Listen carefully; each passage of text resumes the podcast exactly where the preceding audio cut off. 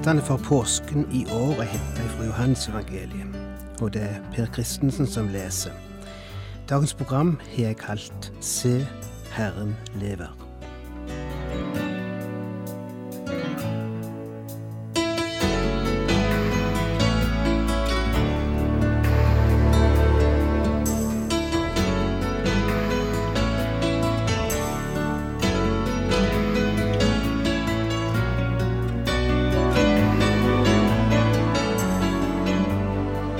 Hjertelig velkommen til et nytt program i serien Vindu mot livet. Vindu mot livet er basert på programserien Insight for Living ved Chuck Svindal. Programmet er produsert av Kristen Riksradio og blir ledet av Ola Joland.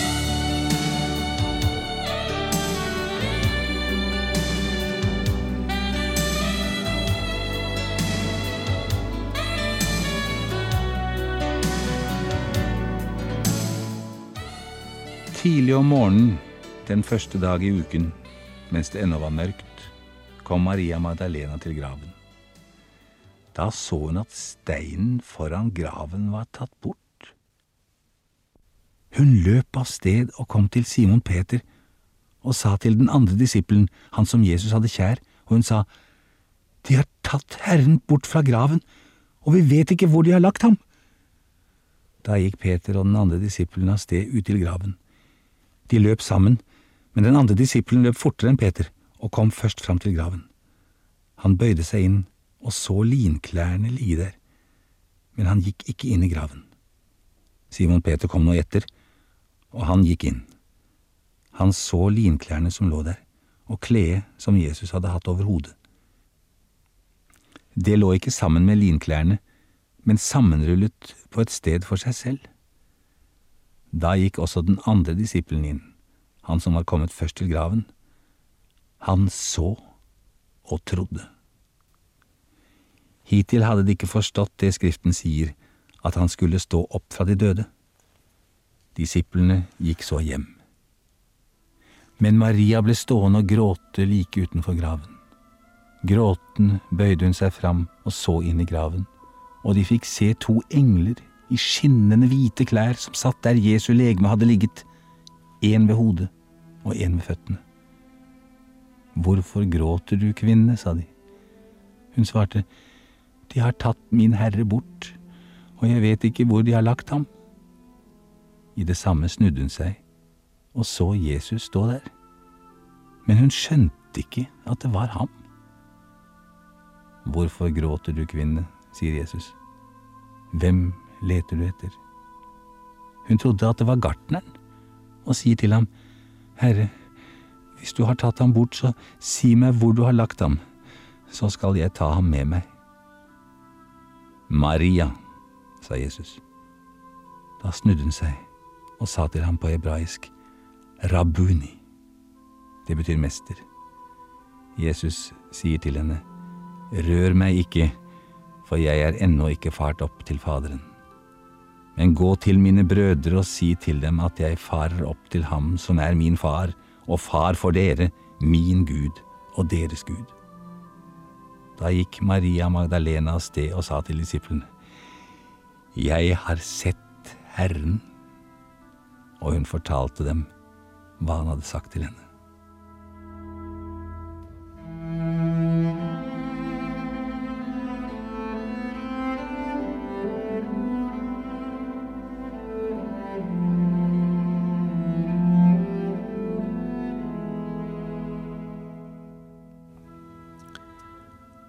Da kommer ei kvinne springende tidlig påskedagsmorgen. Det er ennå ikke blitt lyst. Hun har vært på kirkegården for å legge blomster på grava og for å gråte. Ei kvinne i sorg, et hjerte som er knust.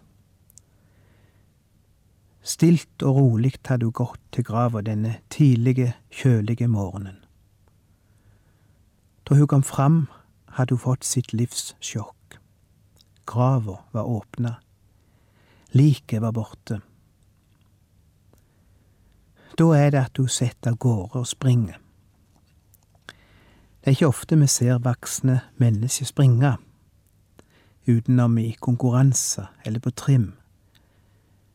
Hvis noen kommer springende i vanlige klær, da forstår vi at noe er galt. Og her kjem ei kvinne springende langs veien med kjolen og sjalet flagrende etter seg.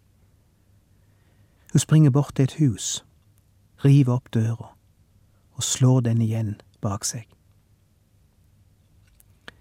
Litt etter blir døra åpna igjen. To menn kommer ut og springer av sted i samme retning som kvinna hadde kommet fra. Den ene er sprekere enn den andre og springer ifra han. Han kommer fram til grava først og blir stående og stirre inn i åpningen mens han hiver etter pusten. Kan ikke riktig tru det han ser. Etter ei stund kommer den andre fram. Han stopper ikke ved åpningen, men raser rett inn og blir stående inne i grava og sjå seg om. Liket er borte. Han bøyer seg ned og tar opp de sammenrulla linklærne som ligger der, for å konstatere at det er Jesu likklær. De er tomme. Sanseløse springer de ut av hula igjen og forsvinner bortover veien, den kalde vårmorgenen. I mellomtida har Maria Magdalena kommet tilbake til graven. Hun blir igjen etter at mennene er sprunget bort. Hun blir stående utenfor grava og lar fortvilelsen og gråten komme. Ingenting kan holde det tilbake. Maria Magdalena. Hun hadde ikke vært blant byens beste barn. Sju vonde ånder hadde hun vært besatt av, sier Bibelen.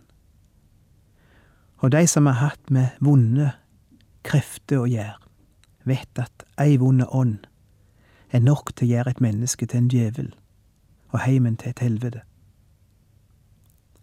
Og her er et menneske som har hatt sju slike. Men som har fått oppleve en radikal forandring i møte med Mesteren. Og hun blir den første Jesus åpenbarer seg for etter oppstandelsen. Av og til har jeg tenkt, hvorfor viste ikke Jesus seg for de to disiplene som hadde sprunget for livet til grava? Hvorfor åpenbarte han seg ikke for dem, slik han seinere gjorde for Maria? Hvorfor ikke for Johannes, den disippelen som Jesus elska, som seinere ble innvia i de største hemmelighetene i Guds framtidsplan med mennesker? På øya Patmos ble himmelporten åpna for han, han fikk sjå inn i framtida. Hadde ikke denne disippel forutsetning for å møte den oppstande før noen andre. Hadde ikke denne bruk for å få vite at alt ikke var slutt likevel? Heller hvorfor ikke Peter? Ingen i flokken kunne ha trengt det mer enn Peter nå, som på toppen av alt sleit med sjølbebreidelse og skyld. Og hvor Peter kunne trengt et møte med den oppstandende, mer enn noen andre. Hvor det kunne ha forandret alt. Hvorfor viste han seg ikke for disse to, slik han gjorde for Maria?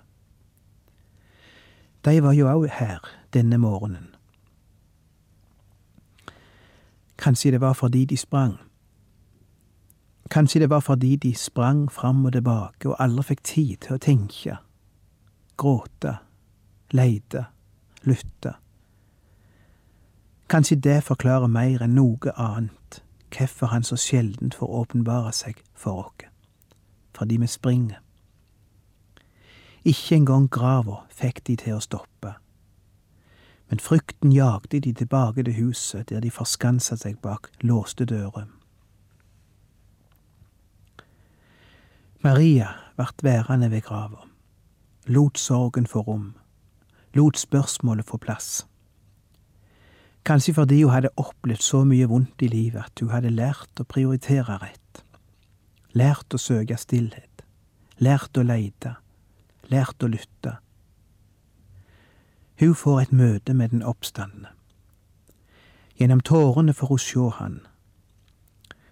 Og det underlig skjer at ei kvinne som før hadde via livet sitt i tjeneste for det vonde, hun blir den første som får bære budskapet ut om Han som har beseira den vonde. Tidlig om morgenen, den første dag i uken, mens det ennå var mørkt. Slik begynner den lyseste dagen i menneskenes historie. Ikke bare rundt Maria var det mørkt denne morgenen. Det var òg mørkt inni henne. Der er mørkt i møte med død og grav, og noen opplever det mørkt akkurat nå. I dag skal vi la dette lyset få skinne inn i vår natt. Kvinne, hvorfor gråter du? Hvem leide du etter? Det er meg, Jesus. Jeg er stått opp igjen. Dødens makt er brutt. Aldri mer skal den som tror, behøve å leve og dø i mørke og fortvilelse. Det er brutt nytt håp og nytt liv framover jorda. Livet har vunnet over døden. Håpet har vunnet over håpløsheten. Og en dag skal vi få sjå det, klart og levende. Jesus vant, og jeg har vunnet. En dag skal han komme igjen og sette sammen igjen alt det som vart øyelagt. En dag skal han reparere alt som gikk i stykker. Helbrede alt som vart sjukt. Salve alle sår. Bygge alt opp igjen i forbegynnelsen. Det er håpet vi har, mens det ennå er mørkt.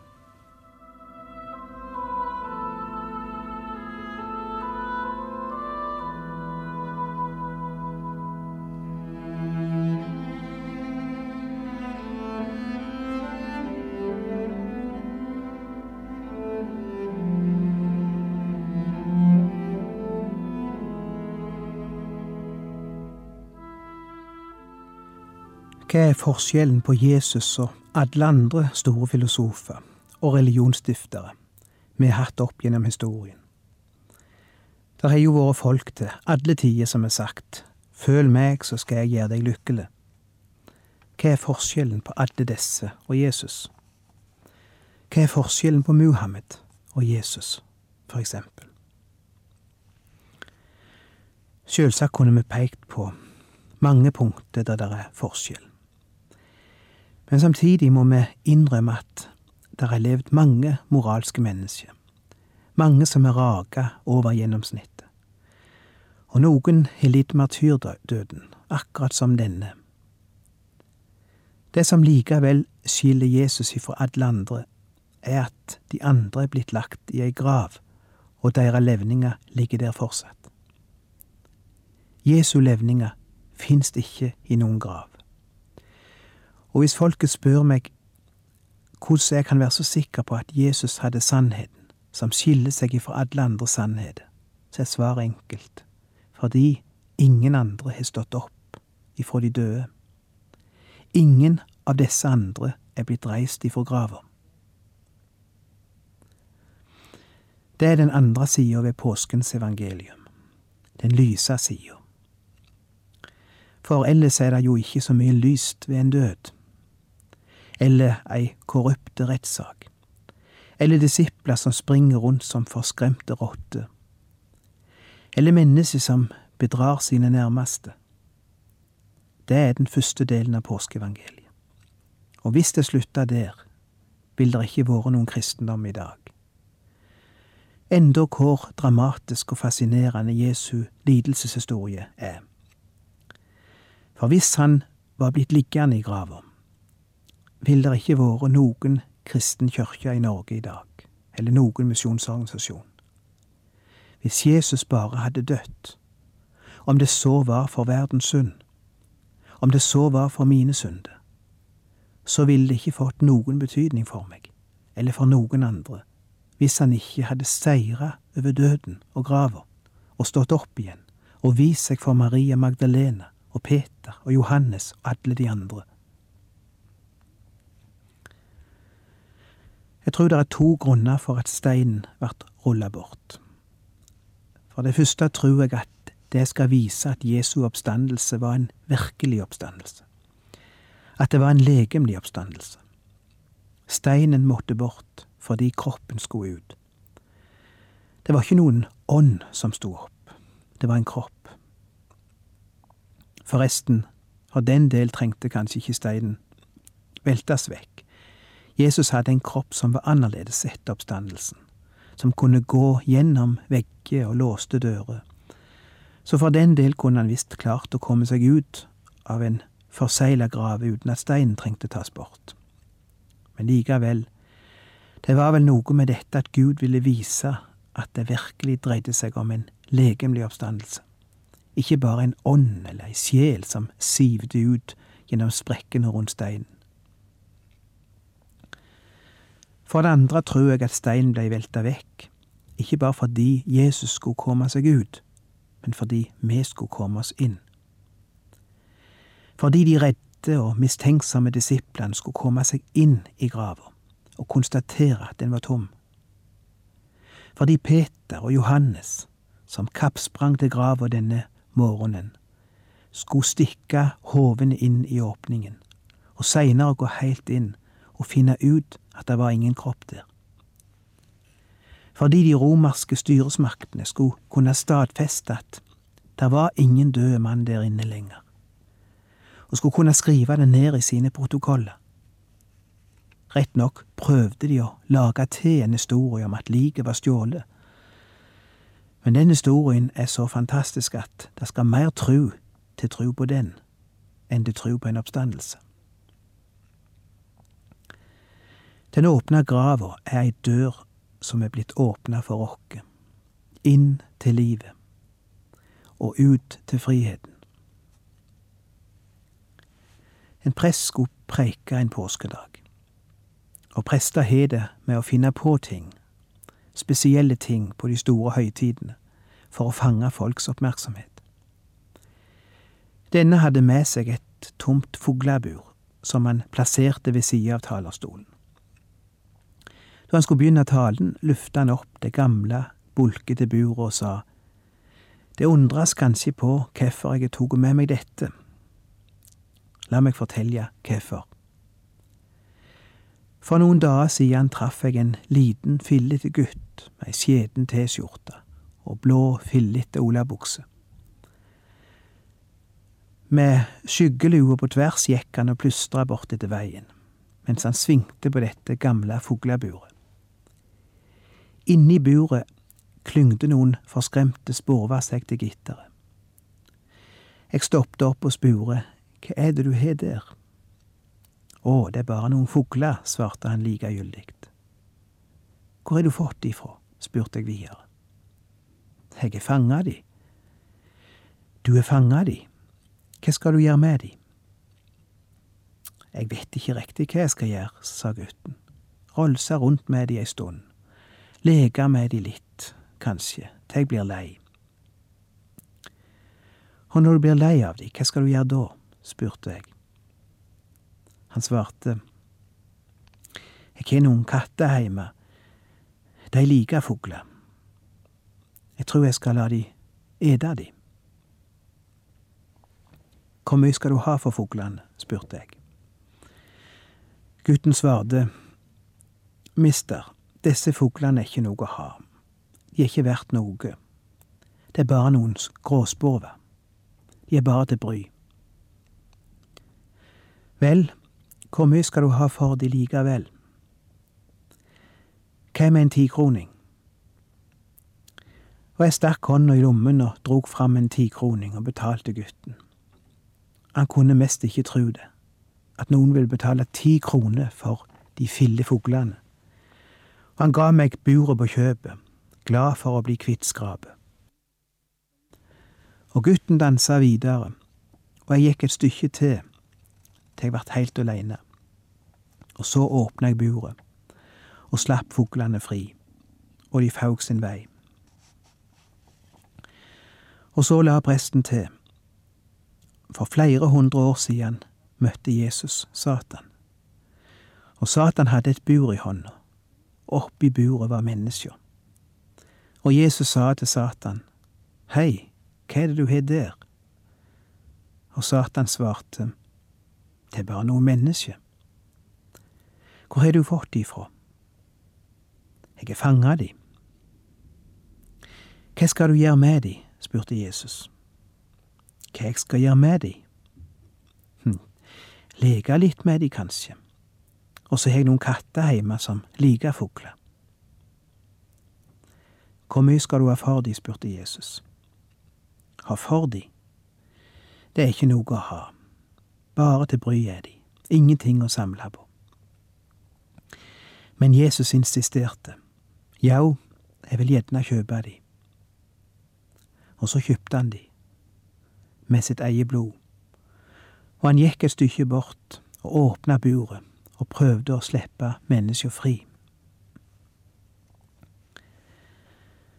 Det tragiske er at mange mennesker fortsatt er i det buret. På tross av at Jesus har kjøpt dere fri ifra Satan og åpna døra, så fortsetter mange mennesker å være i det buret, fanget av Satan, enda Satan ikke eier de lenger.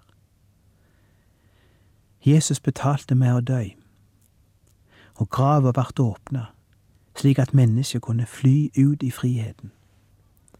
Påskemorgen var den morgen da døra vart åpna, og Satan og døden ikke lenger skulle ha noen makt over oss.